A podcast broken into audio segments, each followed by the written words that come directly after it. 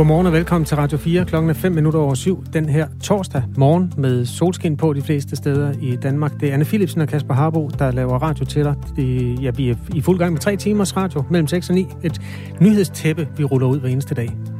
NATO's generalsekretær forventer, at medlemslandene i dag bliver enige om en ny våbenpakke, som skal være med til at modernisere Ukraines forsvar. Det er nemlig sådan, at en stor del af ukrainernes våben nu til dags stammer fra sovjettiden, og det er altså dem, som NATO nu gør klar til at udskifte. Vi kommer til at spørge militærforsker Christian Lindhardt, hvor stor en opgave NATO egentlig står for lige om lidt. Omkring kvart i otte skal vi ombord i en øh, ny øh, udvikling i sagen om en potentiel forbindelse, eller lad os bare kalde det en bro, over Kattegat. Der har jo været forskellige planer om at forbinde øh, Jylland og Sjælland via Samsø med en hel masse asfalt. Men Kattegat-forbindelsen bliver måske ikke til noget, i hvert fald ikke lige nu. Det må være konklusionen efter udmeldingen fra transportminister Trine Bremsen i aftes, som øh, i en pressemeddelelse fortalte, at forundersøgelsen af Kattegat-forbindelsen ikke giver grundlag for at igangsætte projektet. Men det er altså heller ikke opgivet endnu. Vi skal have både have en tilhænger og en modstander af Kattegat-forbindelsen med kvart i 8. Og når ikke man kan køre over den bro, så kan man jo køre på motorvejene rundt om i landet. Og når danske bilister gør det i øjeblikket, så bliver der altså ikke trykket lige så hårdt på speederen, fordi nye tal fra Vejdirektoratet, som vi har fået, viser nemlig, at farten er sænket i forhold til sidste år. Hvad der kan være grund til det, det taler vi med en afdelingsleder fra Vejdirektoratet om efter nyhederne. Og for så vidt også gerne med dig, der kører bil. Du må ikke skrive sms, mens du kører bil, men hvis du har lejlighed til at skrive den, ja, hvis vi er så heldige, at du ikke kører bil lige nu, det er en anden mulighed, øh, så må du meget gerne øh, fortælle, hvad de stigende energipriser har betydet for din øh, måde at trykke på speederen på i trafikken. Altså har du også sat farten ned, fordi benzinen er blevet dyrere? De gode råd står jo i kø. Det er simpelthen den bedste måde at spare benzin på, det er ved at holde sig under øh, 100 km i timen. Hvis du er en af dem, der har taget ved lære af det, og er med til at forme den statistik, som altså nu åbenbart, at vi har sat farten ned som nation betragtet, så skriv meget gerne til os på 1424 en sms, øh, som ja, fortæl, hvem du er, og fortæl om, hvad de stigende brændstofpriser har betydet for din fart i motorvejstrafikken. Klokken er 8 minutter over 7. Godmorgen. Når vi rammer 2030, så spår Arbejderbevægelsens Erhvervsråd, at der kommer til at mangle 100.000 mekanikere, elektrikere og andre faglærte her i Danmark. Men hvis det står til Torben Vind Rasmussen, der er formand for efterskolerne, så har han en løsning på det problem. Hvis fremtidige skoleelever kommer op til en ny prøve, nemlig en prøve i håndværksfag. Det kan for eksempel være i kokkefag, altså det man også kunne kalde hjemkundskab, eller i tømrerfag, elektronikfag, tekstilfag osv. Altså nogle af de her fag, man også kan støde på på erhvervsuddannelserne. Han tror nemlig på, at det kan få flere til at vælge en uddannelse på erhvervsskolerne. Rigtig mange efterskoler arbejder i dag med praksisfaglighed, og rigtig, rigtig mange øh, skoler, når de arbejder målrettet med det, så laver de en eller anden form for en prøve som en afslutning. Og det går eleverne rigtig meget op i, fordi de optager af det og bruger meget tid på det. Og det tror jeg kan dreje nogle unges tænkning i forhold til at gå i en erhvervsfaglig retning. Godmorgen, Julie Kølskov Madsen. Godmorgen. Formand for Erhvervsskolernes elevorganisation. Det forslag, du hører her fra formanden for efterskolerne, tror du, det kan få flere til at vælge en erhvervsuddannelse, ligesom du selv har gjort? Altså, jeg tror ikke, at det er den eneste del af en løsning, men jeg tror helt klart, at det kan være med til at være en del af løsningen til, at flere unge ser mulighederne i en erhvervsuddannelse. Hvad er det ved løsningen, eller ved forslaget her, du tænker kan, kan være en, en god idé? Jamen det, det ligesom gør, er med til at sidestille det at have et håndværksmæssigt fag som sit, øh, sit primære aktivitet sammen med de akademiske fag. Vi har lige nu en folkeskole, som er meget akademisk orienteret, og naturligvis skal vi også lære dansk og matematik, men ved at ligestille et fag som håndværk og design til at være lige så vigtigt som, øh, som for eksempel dansk og matematik med, at man kan komme i eksamen til det, er også med til at gøre, at unge får mere respekt for faget. Var det egentlig noget, du selv savnede, da du gik i folkeskolen, at der var den her ligestilling mellem fagene? Jeg savnede især det at have mulighed for at lave noget med hænderne de sidste par år. Fordi lige så snart du rammer udskoling, så er det jo ikke nødvendigvis, at du skal have, eller da jeg gik i folkeskole i hvert fald, der skulle man ikke nødvendigvis have håndværk, design, sløjt længere. Så der blev det meget bogligt, og en person, som godt kan lide det boglige, men også godt kan lide at bruge sine hænder, så manglede jeg helt klart noget. Du startede med at sige, at det kan være en del af løsningen, men det kan ikke løse det hele. Hvad er det for nogle udfordringer, du ser i den her idé? Jamen, for det første så er problemet jo ikke så simpelt, at man bare kan, kan finde en løsning på det. Øh, hvis der kun var én ting, der ligesom kunne løse det hele, så, så havde vi jo nok gjort det i forvejen. Øh, men, men jeg tror, det kan være en del af løsningen sammen med mere individuel vejledning, og sammen med, med måske mere ung-til-ung vejledning, og, og der kommer et øget fokus på, hvor fedt det er, at der bliver altså investeret i erhvervsuddannelserne, så de bliver lidt mere up-to-date og ikke lever i, i, i 1990 i stedet for i 2022. Det er jo et forslag, der øh, kommer fra Torben Vind Rasmussen, som er formand for efterskolerne, og han foreslår det jo, fordi det er det, han øh, har, kan man sige, bemyndigelse til. Altså han øh, kan være med til at præge, hvad der sker på efterskolerne, men han siger også, at han ideelt set også gerne så, at man på sigt lavede håndværksfag være en del af afgangsprøven i grundskolens 9. klasse, altså også det, der ikke er i efterskoleregi. Hvad tænker du om den idé? Vil det være bedre, hvis alle i 9. klasse skulle til en prøve i et håndværk? Ja, det tror jeg, fordi det er sit svært at flytte unge mennesker i, i 9. klasse, fordi de har ligesom besluttet sig, eller 10. klasse, hvor de går på efterskole, fordi her har de besluttet sig for, hvad de vil, eller det er i hvert fald sværere at få dem flyttet deres, øh, deres tanker over på noget andet. Men hvis man nu kunne integrere det, det faglige i folkeskolen langt tidligere og i langt længere tid, end man gør i dag, så tror jeg, man ville få langt større øh, mulighed for at åbne øjnene op for rigtig mange unge. Og det handler ikke om, at man skal tage en erhvervsuddannelse, men det handler om, at alt for mange unge ikke rigtig ved, hvad det er, og derfor udelukker det på grund af en masse fordomme, som i bund og grund ikke er rigtige. I september sidste år, der gik der 113.000 elever på de danske erhvervsuddannelser, og det her med at få flere ind på erhvervsuddannelserne, det har været et politisk mål længe. I 2014, der indgik i Folketinget en aftale om en erhvervsuddannelsesreform, hvor man havde et mål om, at der i 2020 mindst skulle være 25 procent af eleverne, der valgte en erhvervsuddannelse, når de kom ud af folkeskolen. Og i 2025, der hedder det her mål 30 procent, men altså ifølge tal fra Børne- og Undervisningsministeriet, så er det kun 20 procent af eleverne, eleverne i 9. og 10. klasse, som i år har søgt ind på en erhvervsuddannelse. Og den politiske målsætning var altså 25 procent. Julia Kølskov Madsen, øh, du er jo formand for Erhvervsskolernes elevorganisation. Den her idé, som kommer fra øh, Efterskoleforeningens øh, formand, eller formand for efterskolerne i dag, altså om, at man inkluderer en prøve i håndværksfag i afgangseksamen. Er det en idé, du har haft mulighed for at vende med de medlemmer, du har af din elevorganisation? Jeg har ikke umiddelbart haft tid til at snakke med så mange om det, men, men som man kigger på det, så er, at det, ret, er det en ret åbenlys mulighed, man kan tage for at få noget mere fokus på det faglige. Og når man går på en efterskole, er der jo nogle andre muligheder, end når man går på en almindelig folkeskole. Og derfor giver det også ret god mening, at man starter med at starte det der, Øhm, også fordi mange, der går på en efterskole, gerne vil noget andet, end det de har oplevet i folkeskolen kun. Så derfor er det et ret godt sted at starte, men, men jeg tror, det skal langt bredere ud, før at det kommer til at have en oprigtig effekt. Tak fordi du var med her, Julie Kølskov Madsen, altså formand for Erhvervsskolernes elevorganisation. Renterne stiger. Det bliver dyrere at øh, låne penge. Det er nogle lidt komplicerede markeder, men et af de steder, man skal holde øje med, det er, hvad gør man i USA.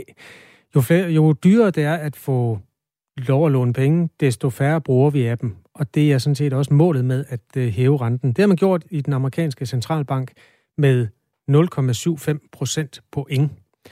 Altså 3 kvart procent stiger renten med. Det lyder ikke meget, men det er sådan noget, der går jorden rundt i en eller anden form for dominoeffekt i øjeblikket, og også sætter sit aftryk på, hvor dyrt det er at låne penge til for eksempel en bolig her i Danmark. Der er sådan, boligrenterne, de har jo ligget ekstremt lavt i siden finanskrisen stort set. Der har de dalet og dalet, ikke bare ned til 0, men under 0, hvis man taler om de sådan korte boligrenter. Det er lidt kompliceret. Ja, men man har simpelthen været i minusrenter, ikke? På jo. nogle lån. Det er jo helt vildt. På dem, hvor renten bliver fastsat med korte intervaller. Hvis man vil have en fast rente, hvis man vil vide, hvad man skulle betale i rente hen over 30 år, så har man, hvis man optog lånet på det rigtige tidspunkt, som er sådan et par år siden, så kunne man få en fast rente på 0,5 procent, hvilket er utroligt tæt på 0. Ja, det må man sige. Nu kan man jo så øh, lave alle mulige manøvrer, og der er simpelthen også øh, gang i den i realkreditinstitutterne i øjeblikket. Det er super kompliceret stof, men altså hvis man har en meget lav rente, så er det lån ikke super attraktivt.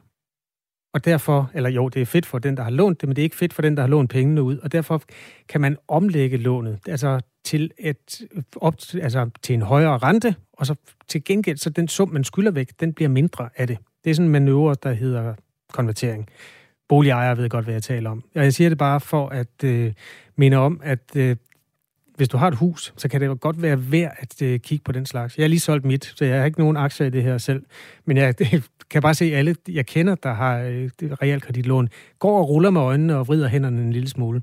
Enten i glæde og lykke over udsigten til at skære af deres gæld, eller i bekymring, fordi øh, det her det kan jo altså også på den lidt længere bane komme til at have betydning for de der renter, der fastsættes for eksempel hver femte år. Mm som øh, også mange danske boligejere har benyttet sig af. Den rente lå også og var negativ for ikke særlig lang tid siden. Den femårige rente er steget med et par procentpoint i løbet af den, ja, siden krigen begyndte, for nu at kalde bæstet, hvad det er. Øhm, ja, så økonomien har fart på. Øh, lidt for meget fart på. Det er derfor, de hæver renten i USA i håb om, at folk bruger lidt færre penge, og man kan få inflationen under kontrol. Klokken er 16 minutter over syv. NATO's medlemslande vil donere en stor våbenpakke til Ukraine. Den skal vi se nærmere på nu. Sagen er jo den, at NATO's generalsekretær Jens Stoltenberg forventer at kunne lede medlemslandet til en form for enighed i dag. Øhm, en våbenpakke, som skal modernisere Ukraines forsvar og gøre ukrainerne i stand til bedre at forsvare sig mod invasionsstyrkerne fra Rusland. En stor del af ukrainernes våben, som de har bekæmpet russerne med siden, siden invasionen 24. februar, stammer tilbage fra sovjettiden. Og det er jo altså 30 år siden, Sovjetunionen gik i opløsning, og det er dem, øh, NATO vil hjælpe med at udskifte. Det er en våbenpakke, som i den sidste ende selvfølgelig skal gøre Ukraines forsvar lige så stærkt, som hvis landet var medlem af NATO. Men landet er ikke medlem af NATO. Det er jo også det, der er den helt store balancegang i det her. Christian Lindhardt er major og militærforsker ved Forsvarsakademiet. Godmorgen, Christian Lindhardt. Godmorgen. Altså, nu, nu taler man regulært om, at NATO spiller en rolle med at udruste Ukraine. Er, er det ikke en, øh, en opskalering af den der underliggende konflikt? Før var det NATO-lande, der gjorde det. Nu står der bare NATO. Jo, det er det. Øh, med et kort svar, så, så er svaret jo, det er det. Øh, og det er jo en, øh, en, en helt utrolig udvikling, der er sket siden 24. februar, hvor vi alle sammen stod og kiggede på hinanden og sagde, hvad nu? Øh, der har det internationale samfund, det vil sige Vesten, herunder NATO-landene, jo gået ind og i stadig stigende grad støttet Ukraine. Specielt Storbritannien og USA har været de sådan fremmeste nationer, men vi andre har også været med.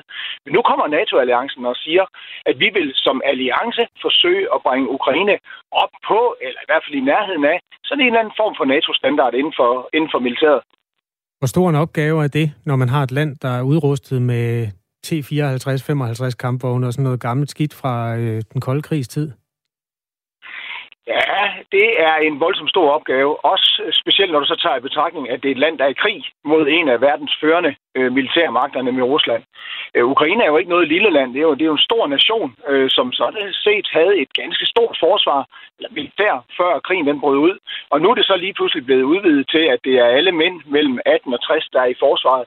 Og, og man fører en, en tæt på total krig mod en invaderende fjende. Så det er saftsus med en stor opgave.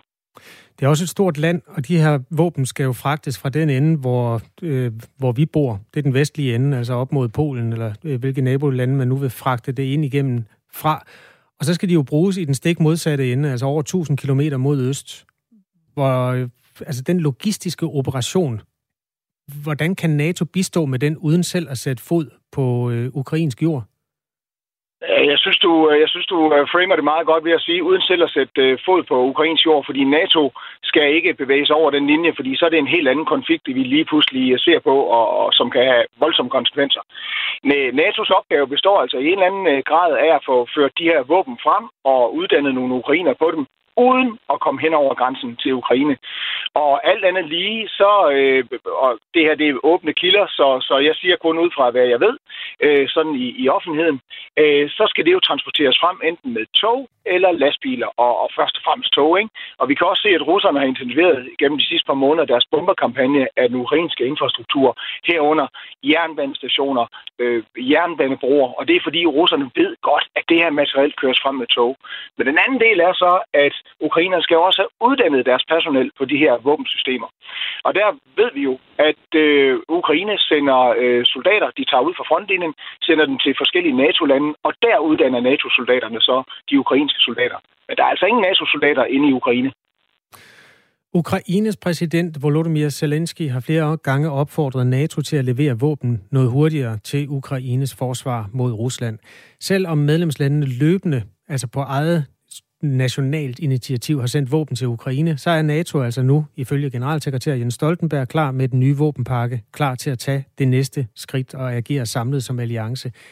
Det er blandt andet langtrækkende våben og avanceret anti-luftvåben, altså våben, der bruges til at skyde fly eller missiler ned, som NATO vil ja. donere. Hvad, hvad er det for nogle ting, de får? Ja, så i første omgang ser det ud til, at Zelensky har bedt om og får øh, langdrækkende artillerisystemer. Og artilleri, det er jo altså kanoner eller missilsystemer, som affyrer enten granater, raketter eller missiler. Og når det er langtrækkende, så er det fordi, de rækker ud over sådan den almindelige øh, kontaktslag. Det er jo sådan, at der er jo nogle soldater, der står og slås over for hinanden. Det er sådan på kort hold. Så kan du gå ud på mellemlang hold. Det er, hvor der sådan, de ikke længere kan se hinanden. Og så kan du gå ud på langt hold. Det er der, hvor du er ude over noget, der ligner en 25-30 km. Der har du altså udmærket øh, artillerisystemer øh, i NATO-landene øh, typisk raketkaster, som kan kæmpe helt ud til 70-80 km. Og så kan du lave det, der hedder dybdekamp. Og der er det, du begynder at ramme, øh, i det her tilfælde, russernes logistiske installationer, deres opmarsområder, deres hovedkvarter i dybden. Og det er sådan noget, der gør rigtig, rigtig ondt på en modstander. Hvor går grænsen egentlig for, hvad NATO kan øh, bidrage med? Altså, nogle NATO-lande har jo også atombomber. Det går jeg ikke ud fra, at øh, Ukraine får lov at låne. Men altså, er der, er der en, en eller anden linje med for eksempel fly? Ja, øh, igen et virkelig godt spørgsmål. Også et spørgsmål, hvor tilfældene har flyttet sig siden øh, den 24. februar. Fly er endnu ikke blevet leveret, øh, og der var jo på et tidspunkt tale om, at øh, øh Polen eventuelt kunne levere øh, eks-sovjetiske fly, som de havde fra deres tid i Varsava-pakten, til Ukraine, fordi så ville ukrainerne umiddelbart kunne sætte sig ind og begynde at flyve i den. Det er altså ikke sket endnu, men på alle mulige andre parametre, der har situationen altså flyttet sig gevaldigt. Øh, der er jo sendt våbenhjælp over af typer, for eksempel langrækkende artillerisystemer, men også i mængder, som vi aldrig havde troet var muligt. Så dit bud på, hvor det her det øh, stopper med, med hensyn til hjælp, er, er, er nærmest lige så godt som mit. Men jeg tror roligt, jeg kan forsikre dig om, at uh, atomvåben, det er ikke noget, som nogen lande giver fra sig. Hverken øh, uh, USA's, Storbritannien eller Frankrig. Det er sådan set godt nok. Øh, Christian Lindhardt er major og militærforsker ved Forsvarsakademiet. Vil du ikke lige hjælpe med at beskrive, hvad de her våben kan betyde for Ukraine? Altså overskrifterne har de seneste uger lyttet på, at ukrainsk forsvar er trængt. Altså efter det, det gik godt i starten, så, så er det gået dårligt her på det sidste. Hvad, hvad er det for en situation, de står i, og hvad kan NATO's våben hjælpe med? Ja, men altså, det der er sket er jo, at krigens karakter er ændret. Hvis det er, som vi husker tilbage til, øh, ja, det var lige den første fase med de der helikopter, du prøvede at lave et kup, og det gik jo ikke. Men så anden fase, hvor jeg, som vi så alle de her russiske angrebsakser forskellige steder i Ukraine, øh, den gik jo heller ikke. Men, men det, der var karakteris- øh, karakteriserende ved, ved, ved krigen på det tidspunkt, det var, at det var lidt på ukrainernes vilkår, det blev kæmpet. Ukrainerne kunne ligesom beslutte, hvornår de ville møde russerne langs de her lange angrebsakser.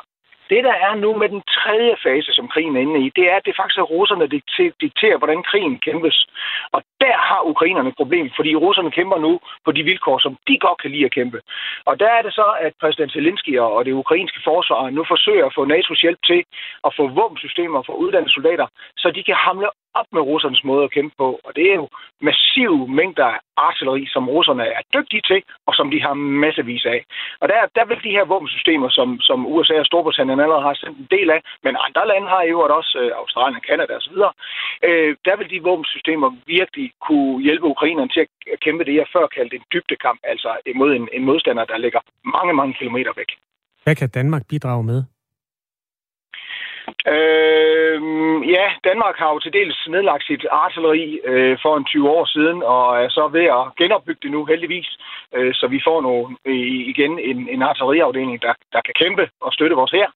Men øh, hvad vi kan hjælpe med, vil sandsynligvis kunne være for eksempel uddannelse af, af ukrainske artilleripersonel. Øh, materiel har vi jo i sagens natur ikke så meget af, eftersom vi nærmest nedlagde det for, for en år siden. Du beskriver flere omgange, at NATO går på en, en sådan lidt tynd rød linje, hvor man skal passe på ikke at være part i krigen. Hvornår er NATO sådan personelmæssigt med i krigen? Altså hvis vi for eksempel sætter en mekaniker øh, til Øst-Ukraine for at hjælpe med at reparere en kampvogn, er, er det en overskridelse af det, hvis han er ansat i det danske forsvar? Øh, det korte svar er ja. Øh, fordi hvad sker der, hvis øh, russerne de øh, skyder og, og dræber den øh, stakkels mekaniker, der står og skruer på bælterne på kampvognen? Ja, så har de jo slået NATO-soldater ihjel. Og så, øh, og så skal NATO forsvare sig selv. Så øh, NATO sender ikke personel øst for den ukrainske grænse. Der går grænsen. Men indtil da, der er den godt nok blevet skubbet. Tak for analysen, Christian Lindhardt. Jamen velbekomme. God dag. Tak i lige måde. Major og militærforsker ved Forsvarsakademiet, der altså hjælp med at analysere den sidste udvikling i NATO's indblanding, hvis man kan kalde det det, i krigen i Ukraine, hvor man altså er klar med en større våbenpakke, som forventes at øh, være forhandlet på plads, når dagen er omme. I forlængelse af det har jeg lyst til lige at vende øh, nyt fra den russiske energikoncern Gazprom. Fordi for anden dag i træk, der vil man nu skrue ned for mængden af gas, der løber igennem den store rørledning fra, Tysk, fra Rusland til Tyskland. Det er den, der hedder Nord Stream 1. Mm. Øh, det betyder, at man øh, kommer til at have øh, 100 millioner kubikmeter mindre gas gennem rørene, end man egentlig havde forventet. Og der er lidt disputs om, hvad forklaringen er. Det statslige russiske gasselskab siger, det er fordi, der er noget reparationsarbejde, der er blevet forsinket. Den tyske økonomiminister fra De Grønne tror ikke på den forklaring. Russerne har jeg til løjet, men det er der jo også tyskere, der har i verdenshistorien. Altså, øh, økonomiministeren fra Tyskland mener, at det må være en politisk beslutning, fordi han siger, at der var ikke nogen teknisk begrundelse for at skrue ned for gassen, og det han havde fået at vide var, at der var ikke før til en gang i efteråret, at man ville udføre det her reparationsarbejde. Men den russiske forklaring er altså en anden. Jeg lavede faktisk et program om gassen, øh, der kom i sidste uge under overskriften Spurt, som er vores øh, dybtegående øh, interviewprogram, som vi laver her på Radio 4. Det har den lidt sådan farvede titel, Hvorfor køber vi gas af den slyngel? Og det er sådan forhistorien om, hvordan man, når nu folk står i kø for at øh, for, ikke forbande, fordømme Rusland og fordømme Vladimir Putin, hvorfor man har fortsat øh, ud af den sti, hvor man var afhængig af den russiske gas. Hvis man kan lide at få forhistorien malet op, så kan man eventuelt finde det program øh, i Radio 4-appen. Noget af det, som kommer frem i programmet også, det er en analyse fra Trine Willumsen Berling, øh, som arbejder ved Dansk Institut for Internationale Studier. Og det hun siger, det er, at lige nu er det der gasmarked mere sparet end nogensinde. Sagen er jo den, at her i Danmark øh, får vi rent faktisk ikke leveret gas fra Rusland længere. Vi fik jo lukket for hanen som en lille straffeaktion østfra. Men vi får masser af russisk gas alligevel, fordi det kommer ind på et fælles europæisk marked og bliver solgt videre, for eksempel fra Tyskland og så op til os.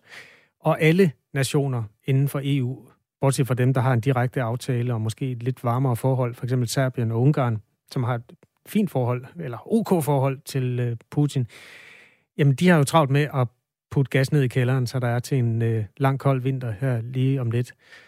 Altså hamstre, faktisk, for at bruge øh, ordet. Og når man hamstrer, så stiger priserne nogle gange. De stiger også nu, forstår jeg på det?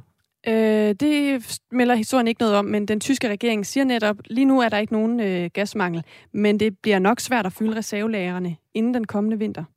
Ej, det må godt blive en mild vinter. Det skal blive en mild vinter. Det skal ikke blive sådan en fimpulsvinter.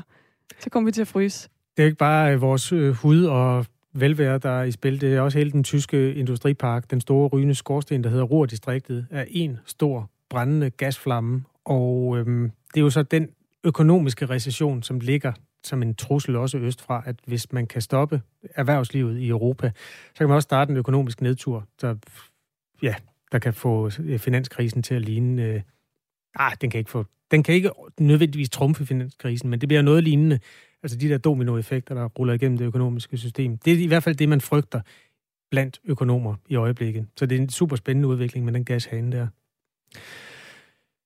På den anden øh, side ja, af nyhedsoverblik, der skal vi tale om øh, en tendens til, at de danske bilister kører mindre hurtigt på øh, motorvejene, fordi blandt andet, at priserne på brændstof stiger. Skulle du være en af dem, der gør det, altså øh, har ændret på dit køremønster, så skriv endelig ind på 1424. Det kan du gøre, imens der er nyheder for klokken er halv otte.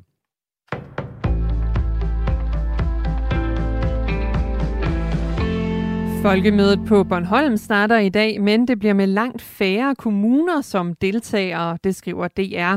I år deltager kun 13 ud af landets 98 kommuner i det officielle program. I 2019 der var tallet 28. Helsingør er en af de kommuner, der har droppet folkemødet. Der er nemlig ikke råd til at tage til det, siger den konservative borgmester Benedikte Kær. Det ærger hende dog, at byrådet ikke kan komme afsted. En afgangsprøve i håndværksfag kan få flere til at vælge en erhvervsuddannelse, det siger Torben Vind Rasmussen, der er formand for efterskolerne. Han mener, at man skal indføre en landsdækkende prøve i eksempelvis kokkefag, tømmerfag og tekstilfag, fordi det kan stimulere unges interesse. Han siger, at efterskolerne allerede har erfaringer med at lave prøver i håndværksfag, som de unge går op i. Og hvorfor kan vi ikke skabe en national standard for nogle af de prøver? Fordi her kan vi faktisk fange de unge på det ben, de gerne vil stå på. Altså vi kan fange dem på det, de er optaget af. Og når vi, når vi fanger elever på noget, de er optaget af, så, øh, så stimulerer vi den energi øh, og stimulerer den interesse. Og det tror jeg kan dreje nogle unges tænkning i forhold til at gå i en erhvervsfaglig retning. Ifølge Børne- og Undervisningsministeriet så har kun 20 procent af eleverne i 9. og 10. klasse i år søgt ind på en erhvervsuddannelse, mens dens politiske målsætning er 25 procent. For at bekæmpe den stigende inflation, så hæver den amerikanske centralbank nu renten med 0,75 procentpoint. Det er den største rentestigning siden 1994, og Thomas Sand fortæller mere. Centralbanken, der i daglig tale kendes som Fed, siger, at den forbliver stærkt forpligtet til at få inflationen tilbage på målet på 2 procent. Inflationen i USA i maj er på årsbasis opgjort til 8,6 procent. Det er en meget god illustration af, at det er ganske ekstraordinære tider, vi befinder os i, siger chefanalytiker i Danske Bank, Michael Olaj Milhøj. Den amerikanske centralbank har da også erkendt, at man set i bagspejlet er kommet for sent i gang med at stramme pengepolitikken, og derfor er der brug for at træde hårdere på bremsen, end man almindeligvis vil gøre, siger han i en skriftlig kommentar. Frederik Engholm fra Nykredit siger, at den store rentestigning var ventet på finans- og børsmarkederne, og han konstaterer, at det er ganske sandsynligt, at den bliver efterfulgt af en tilsvarende en af slagsen til juli. Det er coronapandemien og en ekstraordinær efterspørgsel samt krigen i Ukraine, der har været med til at presse priserne i vejret. Tysklands forbundskansler, Frankrigs præsident og Italiens premierminister ventes at besøge den ukrainske hovedstad Kiev i dag. Det sker for at vise deres opbakning til landet. Ukraine har blandt andet kritiseret landene for at være for langsomme til at levere våben, men de kritiske røster vil de tre ledere nu forsøge at komme til livs. I går sagde den franske præsident Emmanuel Macron, at det er på tide at bekræfte Ukraine i landets EU-ambitioner. Vi er nået til et punkt, hvor vi er nødt til at sende klare politiske signaler, også europæere, til Ukraine og dets folk, som gør heroisk modstand, siger han. Han var dog ikke konkret om, hvordan det hvordan det skulle ske. Ukraine har ansøgt om EU-medlemskab og håber på at få status som kandidatland. Vi får nogen eller en del sol, men i løbet af dagen kommer der en overgang mere skyet vejr i de sydlige og østlige egne af landet. Temperaturerne de når op mellem 17 og 22 grader. Ved vestkysten der bliver det lidt køligere, og vinden den tiltager og bliver lidt til frisk fra vest og nordvest. Det er nyhederne her på Radio 4 med Anne Svifeldt.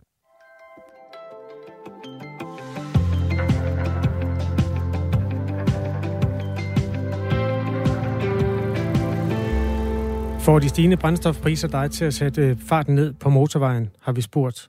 Og man kan svare enten ja eller nej, og det gør folk. For eksempel skriver Frans, for nu de sparebilister, der kun vil køre 100 km i timen væk fra motorvejen. De kører god hjælp med også lav fart i overhalingsbanen og skaber med deres pludselige lastvogns overhalinger meget farlige situationer. Lad de fattige køre på landevejen. De kan køre 80 km i timen og spare endnu mere, lyder analysen fra Frans.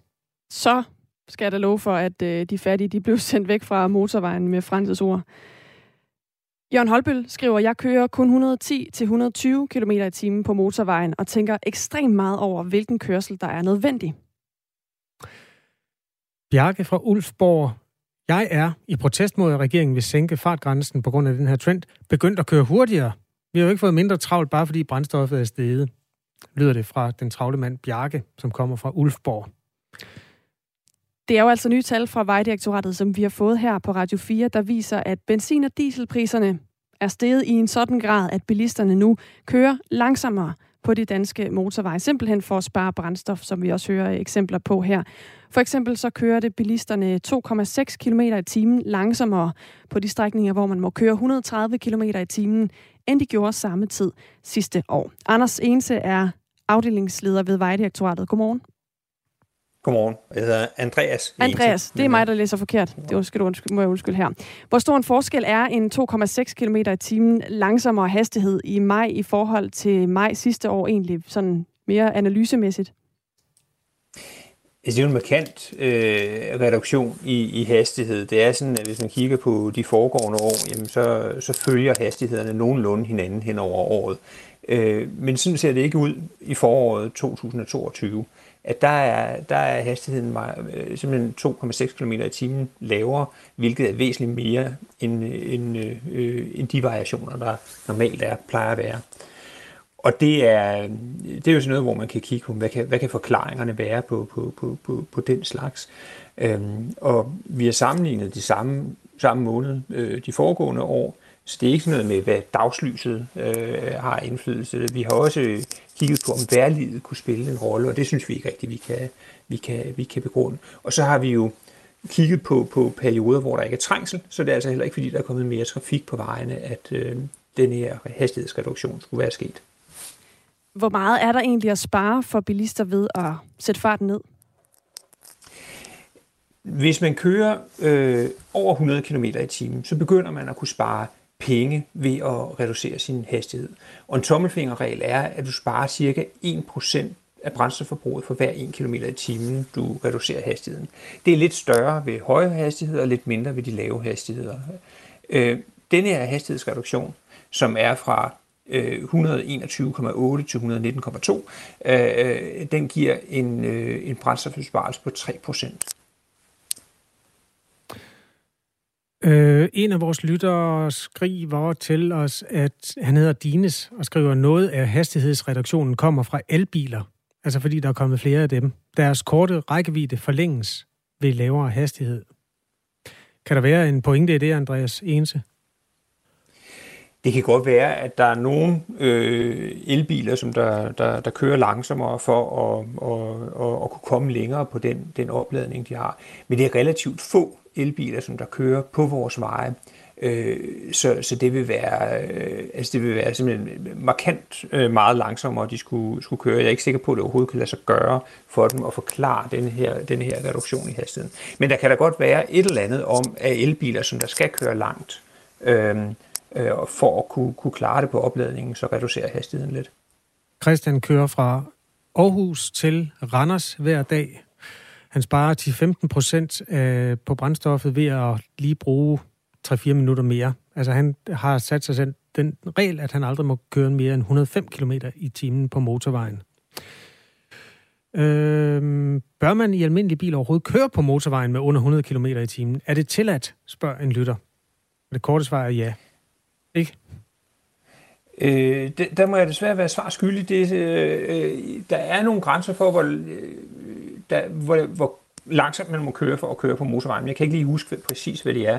Øh, men det giver jo altså ikke mening at køre med hastigheder lavere end 100 km i timen, fordi så sparer man faktisk ikke rigtig øh, brændstof øh, ved at, og det varierer selvfølgelig fra køretøj til køretøj, men hvis man kigger på køretøjsbestanden samlet set, så er der ikke ret meget at spare, hvis man får hastigheden under, under 100 km i timen. Den optimale hastighed, helt præcist, hvad, hvad skal man stille speedometeret på der? Så skal man ligge mellem 60 og 100 km i timen. Det er sådan, kører man meget langsomt, øh, under 60 km i timen, jamen så stiger, hastigheds, øh, eller stiger brændstofforbruget faktisk. Og kører man over 100 km i timen, jamen så stiger brændstofforbruget også. Øh, men derimellem 60 og 100 km i timen, jamen der, der, der, der ligger man øh, med, og kører med den optimale hastighed. Okay, og man bliver ikke populær, hvis man kører 60. Det skal vi lige sige til folk, der får den idé. Ikke på en motorvej, hvor man må køre 130, nej.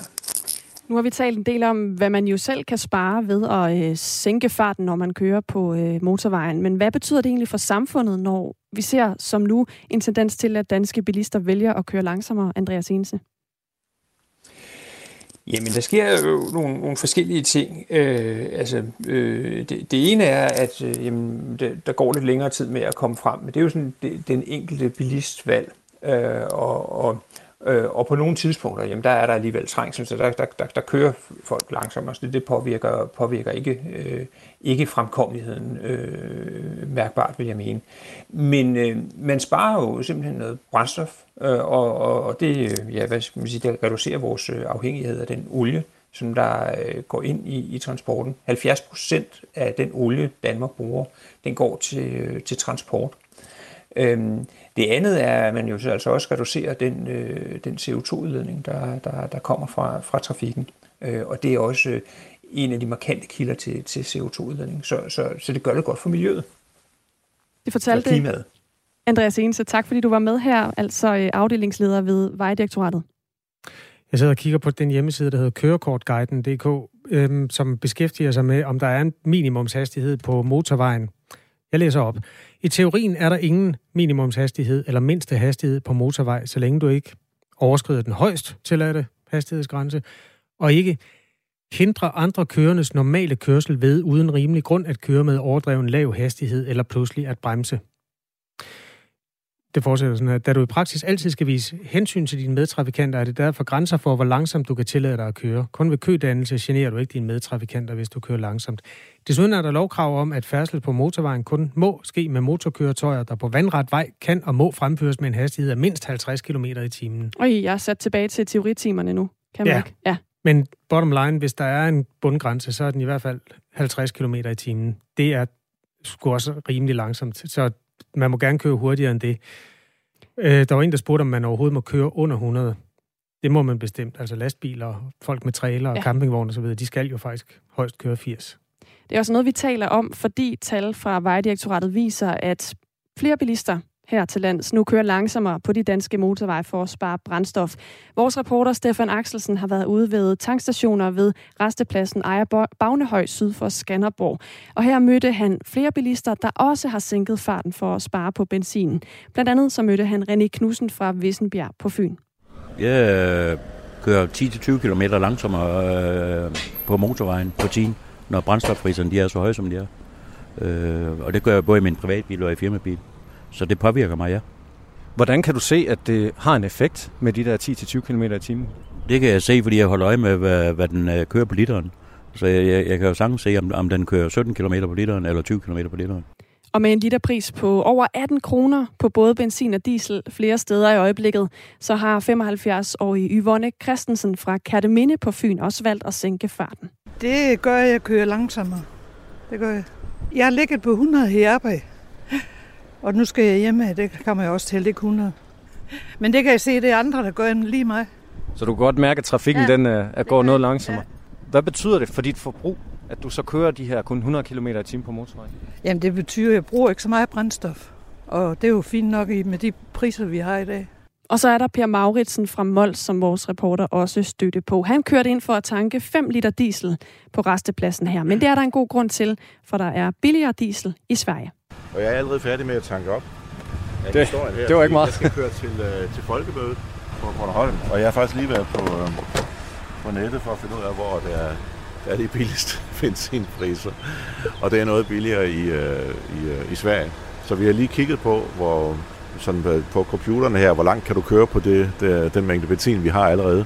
Og, øh, og det kan vi se, det, var, det holdt ikke lige helt. Vi var lige nødt til at skulle have en lille smule benzin for at komme over på den anden af, af broen til, til de svenske priser, som er lidt lavere. Vores lytter Silas har et meget håndgribeligt øh, bud på, hvordan man kan spare lidt på trafikken, eller undskyld, på øh, regningen for at køre i trafikken, altså på motorvejene.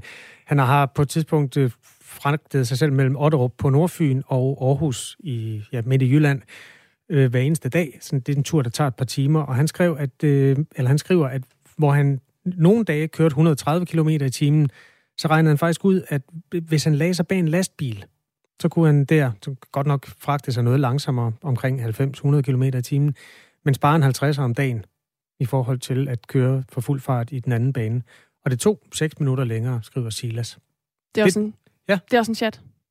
Ja. Altså øh, penge og spare. Og der er lastbiler nok derude. Det må man sige. Tak for sms'erne. 1424 er de sendt ind til. De har millioner af offentlige kroner i ryggen til at hjælpe udsatte kvinder. Det er en meget, meget sårbar position. Det arbejder vi med som kommune. Foreningen Søstre mod vold og kontrol er på sms med ministeren og holder kaffemøder med borgmesteren. Det er meget usædvanligt, at en borgmester han er så tæt involveret i det her. Men foreningen bliver beskyldt for selv at bruge negativ social kontrol. Det er afpresning til tavshed. Lyt til borgmesterens søstre i dag kl. 13. Radio 4 taler med Danmark. Den voldsomme coronasmitte blandt mink, der bredte sig i 2020 i danske minkfarme, kunne måske være begrænset eller helt undgået, hvis alle minkavlere havde taget sygdommen alvorligt. En ny dokumentar fra TV2 under navnet Minkfarmens skjulte smitte, som kommer i aften, har afdækket, hvordan nogle minkavlere ikke fulgte myndighedernes anbefalinger og retningslinjer i den periode. Ifølge TV2 lod flere minkavlere sig f.eks. ikke teste for corona, som myndighederne ellers opfordrede dem til. Bliver du selv øh, testet for corona? Nej. Nej. Hvorfor ikke? Det var der ingen grund til. Hvis jeg var syg, så vidste jeg nok, hvorfor jeg var syg. Jeg havde tid til at være syg, så sådan var det. Hvad mener du med, at du ikke havde tid til at være syg? Vi skulle have reddet det, vi skulle have reddet. Frederik Våge fra Syddansk Universitet professor i forvaltningsret, har set dokumentaren, før den er udkommet. Jeg synes, øh, udsendelsen her, den, øh, den udstiller nogle rådne kar øh, i, i branchen, og det er der formentlig noget, der vil blive fuldt op på. Øh, det, der måske øh, sådan, øh, kommer frem med den her udsendelse, det er, at der også godt kan være øh, et ansvar hos øh, minkavlerne, at det ikke kun er myndighedernes skyld, det her. Den kan bidrage til nogle nuancer, og det kan øh, måske være meget øh, fornuftigt, at den kommer frem nu, øh, når man skal se på konsekvenserne af minksagen. TV2-dokumentaren har undersøgt, hvordan nogle minkavlere agerede i løbet af efteråret 2020. Den afslører blandt andet, at omkring 1900 ud af de godt og vel 3.000 personer, der enten boede eller arbejdede på en minkfarm, ikke havde lavet sig teste for corona i løbet af august måned 2020, og det blev de jo ellers opfordret til, altså ugentlig test i den måned. Det svarer til, at over halvdelen af dem, der havde tilknytning til en minkfarm, ikke underlagde sig de anbefalinger. Det er opsigtsvækkende, mener Frederik Våge det mest i åndefældende er vel, at de her forskellige øhm, øh, cases, der er, de understreger, at, øh, at, at der er en side af sagen, som man også øh, kan afdække, som ikke rigtig er kommet frem under for eksempel Mink-kommissionens afhøringer, men man ser det her, og at man også ser det her fra øh, minkavlernes side, der eventuelt kunne være et element af øh, egen skyld. Kort sagt, så kan man sige, at det var en dårlig forretning at få coronasmitte ind på sin besætning, hvis man var minkavler. For ifølge tal fra Fødevarestyrelsen, så vil en farm med 75.000 mink få ca. 2,5 millioner kroner mindre i erstatning, hvis farmen altså blev konstateret smittet. Og proceduren med, at landmænd selv skal melde smitte på deres gård til myndighederne, er ikke unik. Det ses blandt andet også hos kyllingegårde og i forbindelse med fugleinfluenza. Og selvom Frederik Våge mener, at den procedure er god, så giver dokumentaren her også anledning til, at der bliver kigget på den ordning, siger han. Det er vel på mange måder meget fornuftigt, at man har en ordning, øh, der baserer sig på, på tillid. Øh, men naturligvis vil man i, i forlængelse af den her, øh, af de her meget omfattende brud, formentlig se på, på, på, på, på ordningen. Ja, man må dog selvfølgelig også advare mod, at man helt opgiver, at det er svært at og have en effektiv sygdomsbekæmpelse også, øh, uden at man i et eller andet omfang kan, stille, øh, kan, kan, kan give, give tillid til de personer, der skal melde ind og sige, når deres dyr er syge. De danske minkavlere står til at få en samlet erstatning på 19 milliarder kroner, og det kommer dokumentaren her ikke til at ændre på, vurderer Frederik Våge. Og du kan se dokumentaren Minkfarmens skjulte smitte hedder den i aften kl. 20 på TV2 eller nu på TV2 Planerne om en fast Kattegat-forbindelse, altså mellem Jylland og Sjælland via Samsø, bliver umiddelbart ikke til noget, men der er en kattelem. I går fortalte transportminister Trine Bremsen følgende i en pressemeddelelse. Forundersøgelsen af Kattegat giver ikke grundlag for at i gang sætte projektet. Således vil der ikke blive iværksat konkrete anlægsaktiviteter. Men der er politisk opbakning til videre drøftelse af igangsættelse af yderligere undersøgelser af klima- og miljøkonsekvenser. Det kan tolkes som, at projektet er skudt til hjørne på ubestemt tid. Kattegat-forbindelsen er altså et stykke vej, der stadig er til debat.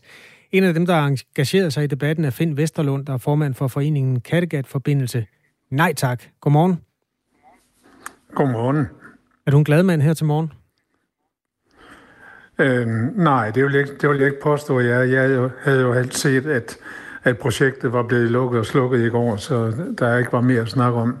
Øh, det, der er sket øh, med den pressemeddelelse, der er i går, det er, at, projektet er udsat to år, øh, hvor man så skal lave de her klima- og miljøundersøgelser for at se, øh, hvad man kan finde belæg for at sige nej eller ja til en Kattegat-forbindelse. Så øhm, vi er klar som forening til at fortsætte kampen, og vi er fortsat i arbejdstøjet, så vi skal nok skabe den modstand mod det projekt, som er fuldstændig overflødet.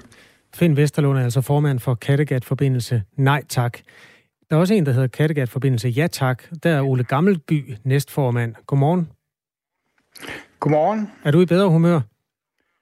Jamen, jeg er i ganske fint humør, for jeg synes, det var en fin beslutning, der blev taget i går, at man skal undersøge noget mere omkring klima og miljø. Men der var jo også en udtalelse fra ministeren om, at det var en fantastisk idé at få en bro. Og den falder jo ikke væk, fordi man skal undersøge noget mere. Men samfundsmæssigt for alle i hele Danmark ville det være så stort et plus, at der skal arbejdes videre med det, og vi skal have den bro på et tidspunkt. Siger du, at det er en glæde og en fornøjelse og en styrkelse af mulighederne og det hele for alle mennesker i hele Danmark? Ja, ja, som jeg ser det, så ser jeg, at det er et rigtig godt projekt for at lave øh, reven har altid to veje. Vi har kun en, og det er Storbælt, den holder stoppe en gang imellem. Men, men her, hvis vi får den her bro, så kan vi udvikle ikke bare København, men hele Danmark ved at få den her bro, fordi der bliver meget bedre forbindelser. Så, så øh, jeg kan kun se, at øh, der var en første halvleg i går. Nu starter anden halvleg snart. Finn Vesterlund er altså formanden for Kattegat-forbindelsen Nej Tak. Vi skal da lige forstå, hvorfor I siger nej tak til noget, der vil forbedre hele Danmark. Undskyld. Øh, det er jo noget af et postulat, at det vil forbedre hele Danmark, eller give samlingskraft i hele Danmark. Øh, jeg synes, der er en lille kuriositet i, øh, i en rapport, der blev udgivet her i udkastet i januar 2022, hvor der er et lille kort, øh, hvorpå der øh, står, når man læser nærmere på det, at den hurtigste vej med jernbane til, øh, til Hamburg fra Aarhus, det bliver over Ringsted. Øh, så, så, så tænker jeg lidt øh, på resten af Danmarkskortet, der kan man se, at det er Sønderjylland, det er Vestjylland, det er Fyn, der absolut ikke får fordel af en Kattegat-forbindelse. Det bliver en fordel for København, og det bliver ikke mindst en fordel for Aarhus, og det er også derfor, Aarhus borgmester Jakob Bundsgaard, han er så vild i varmen for at få den Kattegat-forbindelse igennem, fordi de ser et projekt der. Jeg ser ikke en sammenhængskraft i Danmark, der bliver styrket af en Kattegat-forbindelse tværtimod. Det er altså de fløje, der står over for hinanden lige nu. Kattegat-forbindelse, ja tak og nej tak, som vi har med i skikkelse af Finn Vesterlund, der lige talte, og Ole Gammelby, der siger ja tak. Meldingen fra den socialdemokratiske regering, den kommer altså efter, at øh, man har færdiggjort en forundersøgelse til en fast forbindelse over Kattegat. Det er fire år siden, at den daværende regering, det var en blå øh, regering, Venstre, Liberal Alliance og Konservative, som med støtte fra Dansk Folkeparti blev enige om at udmønte 60 millioner kroner til at lave den forundersøgelse, hvor resultatet foreligger nu. Efter forundersøgelsen var næste skridt en såkaldt VVM-undersøgelse, der undersøger miljøpåvirkningen men den er der ingen grund til at gå videre med efter onsdagens melding. Ifølge Kattegat.dk, som er selve projektets hjemmeside, der estimeres det, at den kommer til at koste omkring 60 milliarder kroner, altså en bro til biler. Og hvis der skal være øh, jernbane med, så øh, nærmer man sig det dobbelte af det, altså 110 milliarder kroner er det øhm, estimeret til. Og det nye i sagen her er altså, øh, skal jeg lige gentage, transportminister Trine Bremsen siger i en pressemeddelelse, Forundersøgelse af Kattegat giver ikke grundlag for at igangsætte projektet. Øhm, Finn Vesterlund og... Nej, jeg, vi skal lige høre dig, Ole Gammelby. hun siger jo simpelthen, at den er, bliver sparket til hjørne. Hvordan kan du glæde dig over det? Jamen, den er jo ikke øh, øh skudt ned i jorden. Den, den er jo stadigvæk eksisterende projekte. Der skal bare undersøges noget mere. Og jeg var da godt klar over, at den ikke vil lave en VVM-undersøgelse PT der er jo valg om et år, og, og den her, den er, så bliver selvfølgelig et valgtema på Vestjylland og Østjylland, og det skal den da også have lov til. Og så er nogen måske bange for, at de mister nogle stemmer på og siger, at det er en rigtig god idé, fordi jeg hører rigtig og rigtig mange mennesker, som siger, at det er en fantastisk god idé at få den her bro. Jeg ved godt, at man er meget modstand på Røsnes og, og lige i Østjylland, hvor den går ind, og på Samsø. Det må man også gerne have. Det er det, der hedder demokrati at have sådan nogle ting.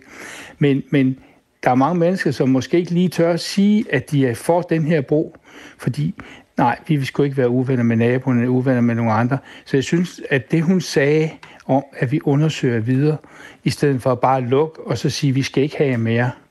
Vi vil, af, øh, vi vil, vi vil stoppe alt det køkørsel, der er på, på Fyn og fra, fra øh, Lillebæltsbroen og op efter sydpå, måske ikke sydpå, men op nordpå, ved at få en bro ved at få flere, flere veje at køre på. Og så er det rigtigt, at Aarhus vil få rigtig meget gavn med det. vil Kalundborg også, fordi det er et industrielt øh, storsamfund efterhånden. Vi er ved at få bygge en fabrik ud til 18 milliarder kroner. Næsten lige så stor et projekt, som der må bygge Storbæltsbroen. Så, så der er udvikling, og vi skal ikke have afvikling. Det får vi, hvis ikke vi får en vej ekstra. Det er noget af en påstand, at de mennesker, der ikke siger nej tak til broen, de lader være, fordi de ikke tør. Øh, har du talt med nogen, der ikke tør sige, at de gerne vil have den bro? Jamen, jeg, der, der er mange, der holder deres kæft. Har du talt med nogen, der siger, at de ikke tør sige, at de støtter den bro? Jamen, ikke tør. De, de, de siger, at de vil ikke udtale os om, vi vil ikke sige noget om, fordi vi gider ikke at være uvenner med hinanden. Hvordan kan du så vide, at de tilhænger en bro? Jamen, fordi de siger det til mig. Okay. Vi skal lige tilbage til modstanderen, som altså er Finn Vesterlund, formand for foreningen Kattegat Forbindelse. Nej tak. Finn Vesterlund, vi har fået et stykke post fra en af vores lyttere, der hedder Jakob. Han siger, at det man gør nu, det er, at man lige losser den til hjørne, så man slipper for at tale om den i, i valgkampen, og så kommer den frem igen på den anden side. Tror du, det er rigtigt? Jamen, det tror jeg er rigtigt. I hvert fald, at den kommer op, at den kommer op på den anden side af et folketingsvalg. Vi skal have et folketingsvalg senest øh, øh 4. Juni næste år, så det, det, øh, det dukker op i den nye folketing. Det, det er helt sikkert. Øhm, Øh, Øh, en ting, jeg også tænker på, det er, at det bliver også et tema i valgkampen, uanset at man har valgt at skyde den ud, og man skal have nogle flere undersøgelser. Så det bliver et tema i valgkampen, helt sikkert. Øhm, jeg, jeg, jeg synes lige, vi skal være opmærksom på, at, at, øhm, at, at der er mange i Danmark, som jo ikke bliver påvirket af de her megaprojekter, og derfor ikke har det tæt ind på livet. Øh, de folk, der har det tæt ind på livet, de er øh, jo låst fast i den linjeføring, der er, og det bliver det jo så fortsat være i de kommende to år, inden den nye undersøgelse er på plads, og man får taget en beslutning om, om man så fortsætter eller ej. Øhm, alt andet lige, så synes jeg, at vi skal være solidariske med dem, der bliver udsat for et megaprojekt i form af en motorvej og en dobbelt, dobbeltsporet højhastighedsbane, øhm, fordi den medfører en kolossal masse Øh, Øh, støj, og der er nogle miljøting, der skal undersøges, og der er nogle klimating, der skal undersøges. Vi skal være solidariske omkring de her ting. Og hele det her projekt øh, er jo ikke til gavn for Danmark, som jeg også har sagt tidligere. Øh, det påstås der hele tiden, og, og den der med, at folk er tavse, fordi de ikke tør at snakke om det, den tror jeg ikke på. Øh, folk vil meget gerne drøfte de her ting, Mm. Øhm, vi har prøvet at invitere modstand, og tilhængere af broen med på øh, en del af vores... Øh, vi har holdt syv informationsmøder nu i Østjylland, og vi har ikke set en af dem. Øh, så, så det, at, at tilhængerne ikke vil drøfte det med os, eller diskutere med os, og prøve vores argumenter af med hinanden, som vi synes er en færre demokratisk proces, det undrer os, at de ikke har deltaget i de der ting. Nej tak fra Finn Vesterlund. Har du, det skal lige være lidt kort, Ole Gammelby. Der er nyheder om lidt, men du må selvfølgelig gerne svare her til sidst. Jamen altså, altså jeg synes, det, det er godt, vi går videre. Det er det, der er det vigtigste, der går, at man ikke stopper det. Jeg vidste godt, at en VVM-undersøgelse, det er en meget stor proces at sætte i gang, og den er dyr. Og i det her spil her, der skal man undersøge de to andre ting, før man laver det. Og jeg forstår også godt, at folk de kan føle sig, når der kommer nogen og lægger en, øh, en streg hen over næsten deres jord, ikke også? Men vi skal også tænke på, at det jord, det blandt andet går ud over på Røsnes, det, det er landbrugsjord det meste af det. Så er der nogen, der siger, at vi larmer, og vi CO2-forurener. Det må vi også gerne, men jeg vil tro, at når den bro kommer, så er der kun elbiler tilbage. Jeg ved ikke, hvor meget de forurener. Og så er der selvfølgelig noget larm, ikke? Sagde altså Ole Gammelby, så det var ja tak siden, der fik lov at svare her til sidst. Vi havde inden da Finn Vesterlund fra formanden for foreningen Kattegat-forbindelse. Nej tak. Indtil videre altså et øh, forløbet nej tak fra øh, transportminister Trine Bremsen, der i går skrev, at forundersøgelsen ikke giver grundlag for at igangsætte projektet. Men der kommer flere kapitler i den historie. Vi skal øh, lige om lidt runde et nyhedsoverblik med anne Sofie Felt. På den anden side af det skal vi både tale om øh, mink, vi skal også tale om ukrainer i arbejde. Der er masser godt i vente, men først 5 minutters nyheder klokken 8.